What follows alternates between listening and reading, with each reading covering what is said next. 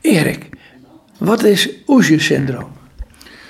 Uh, Usher-syndroom houdt in dat je en slecht ziet en slecht hoort. En hoe komt dat? Dat is een uh, erfelijke aandoening. Ehm, bij mijn vader en mijn moeder is dus ergens een foutje in DNA-materiaal. En die hebben dan een match gemaakt en ja, die hebben ze aan mij doorgegeven. En ehm, het is een syndroom waarbij slechthorendheid direct openbaarde, direct duidelijk werd. En op jonge leeftijd ook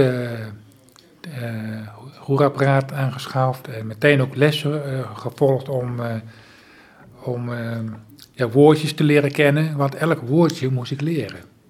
Kijk, een normaal uh, baby en jong, uh, peuter en dergelijke, die hoort woordjes en neemt het op. Wacht even, ik zal je eerst even voorstellen. Jij bent Erik Mol. Ja, klopt. Jij woont in Barneveld. En ik, ik, kun misschien eerst even iets algemeens over jou, jou, vertellen en dan gaan we weer even terug naar je jeugd. Ja, dat is prima. Uh, inderdaad, ik ben inderdaad Erik Mol. Ik ben geboren in Barneveld in 1965. En uh, nou, ik woon hier al uh, 56 jaar. Vorige week nog jarig geweest. Zonder familie gevierd door de corona-gedoe. En uh, ja, en mijn jeugd heb ik hier ook meegemaakt.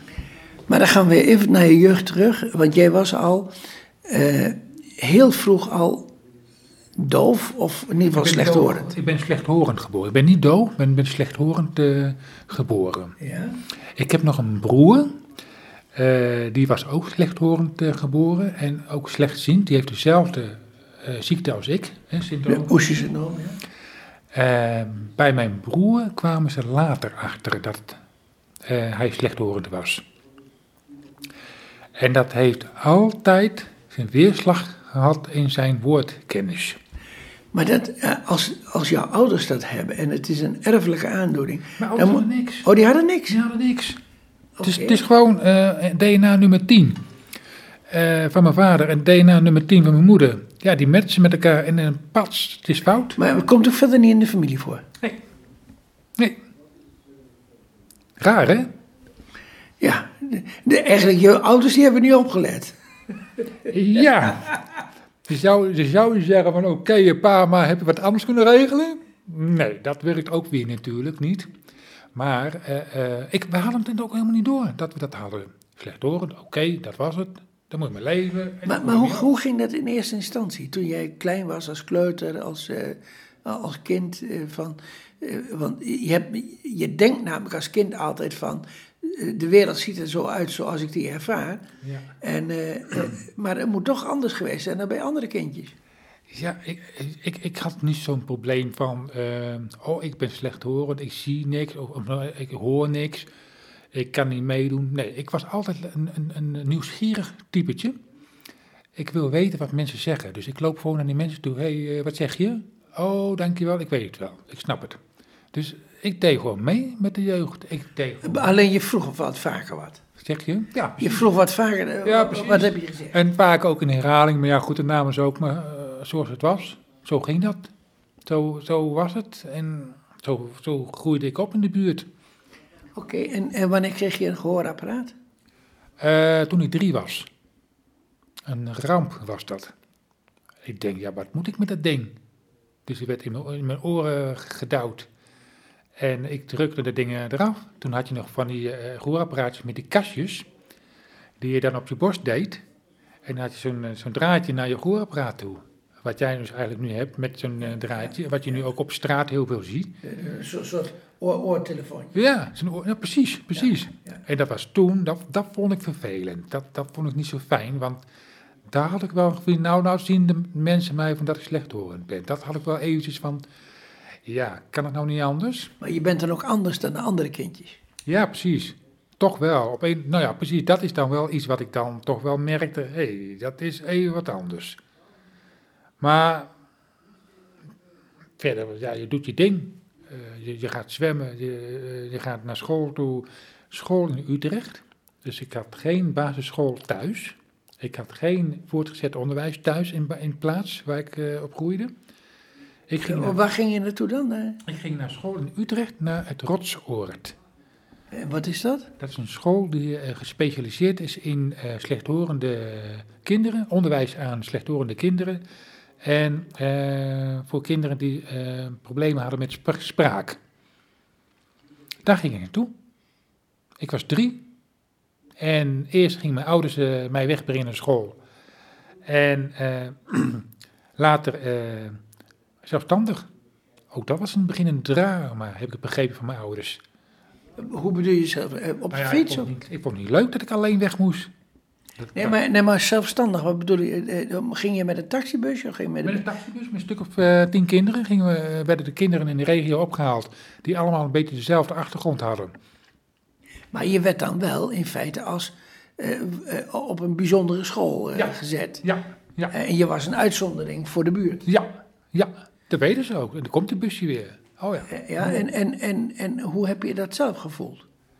Uh, in het begin deed je gewoon mee, je ging gewoon mee, maar later, als ik gewoon terugkijk, denk ik, ja, ik ben toch een apart, uh, apart iemand. Uh, van, ja, je, wordt eigenlijk uit je, uit, je, uit je buurt wordt je weggeplukt.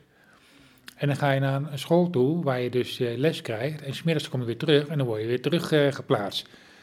Terwijl ik dan niet weet wat ondertussen in Barneveld heeft zich afgespeeld op school. Dat weet ik dan niet. Dat vond ik wel jammer. Dat vond ik wel. Uh... Je, je, je, je, je groeit op buiten jouw buurt. Ja. Dus je hebt geen, geen referentie aan uh, kinderen in het dorp, in, in de straat enzovoort. Minder, minder. Ik, ik had wel gelukkig wel referenties in de zin van. Ik ging sporten met, met de buurtjongens. Mm Ik ging naar een sportvereniging. Dus op die manier heb ik contact gehouden met uh, wat, zich in, wat in bijna voor zich afspeelt. Uh, met die jongens ga je dan opgroeien en ga je ook kattenkwaad uithalen met uh, vuurwerk of zoiets. Met, nou ja. Belletje trekken en zo. Zeg je? Belletje trekken en zo. bijvoorbeeld. Dus dat is niks vreemd aan. Ehm, maar hoe, wat me dan benieuwd is namelijk van ehm, eh, maar ook het zicht werd minder. Ja. En wanneer begon dat dan? Ik was toen 37. Toen pas? Toen pas. Toen pas had ik het door. Maar wist je al, maar wist je al voor die tijd dat je het Oesie-syndroom nee. had? Nee. en uh, uh, ik zei net iets over mijn broer, die heeft dezelfde achtergrond als ik. Die had precies dezelfde problemen. Die ging, ook minder uh, zien. En ja, bril niet goed, glas verkeerd afgesteld of wat dan ook. Maar dat was een probleem. Dus zelfs de doktoren het niet, konden niet de link maken dat je en slechtziend was en slecht hoort. Dat dat een combinatie is, dat het usje was. Was niet bekend in die tijd. Nee, maar dat komt wel vaker voor hoor, dat oogartsen dat niet doorhebben. Nee. En bij mijn broer kwamen ze achter. Dat was toen op een gegeven moment bij hem vastgesteld en kwam bij mij niet eens op dat ik het ook zou kunnen hebben. Nee, ik kon alles doen, ik kon alles zien, ik, deed, ik reed de auto, eh, ik had nog rijbewijs en dergelijke, dus ik ging gewoon uh, mijn ding doen. Toen was het op een gegeven moment 37 jaar en ik werd moe, gauwer, moe, sneller, moe, prik in mijn ogen. Ik zei, wat is dat? En op een gegeven moment uh, kwam de derde bij ons, toen was Hetty zwanger van de derde van joh, zullen wij eens even naar de... Het is jouw vrouw. Precies, precies even onderzoeken van, hebben, wat is er nou eigenlijk aan de hand? Doorverwezen naar kinderziekenhuis, Wilhelmina ziekenhuis in Utrecht, de afdeling ja, met erfonderzoeken met, met ogen en dergelijke. En toen is vastgesteld dat ik dat ook had. 37 was ik toen.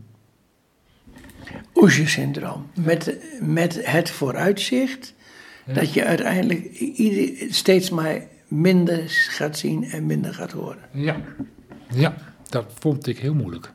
Ja. Maar ook weer aan de andere kant ook weer van, ja, ik kan eigenlijk nog auto rijden. Ik kan nog dingen doen wat iedereen doet. Dat was dus, uh, Ik weet niet precies, ik was 37. Ehm, maar het werd wel minder. Toen kreeg ik een auto-ongeluk in 2006. En toen was het moment aangebroken van, joh, ik stop ermee. Maar besefte je toen al dat je toch te weinig zag om goed uit te Ja, kunnen? zeker mijn vrouw, die zei van, heb je die auto aan de zijkant niet gezien? Nee, die heb ik niet gezien.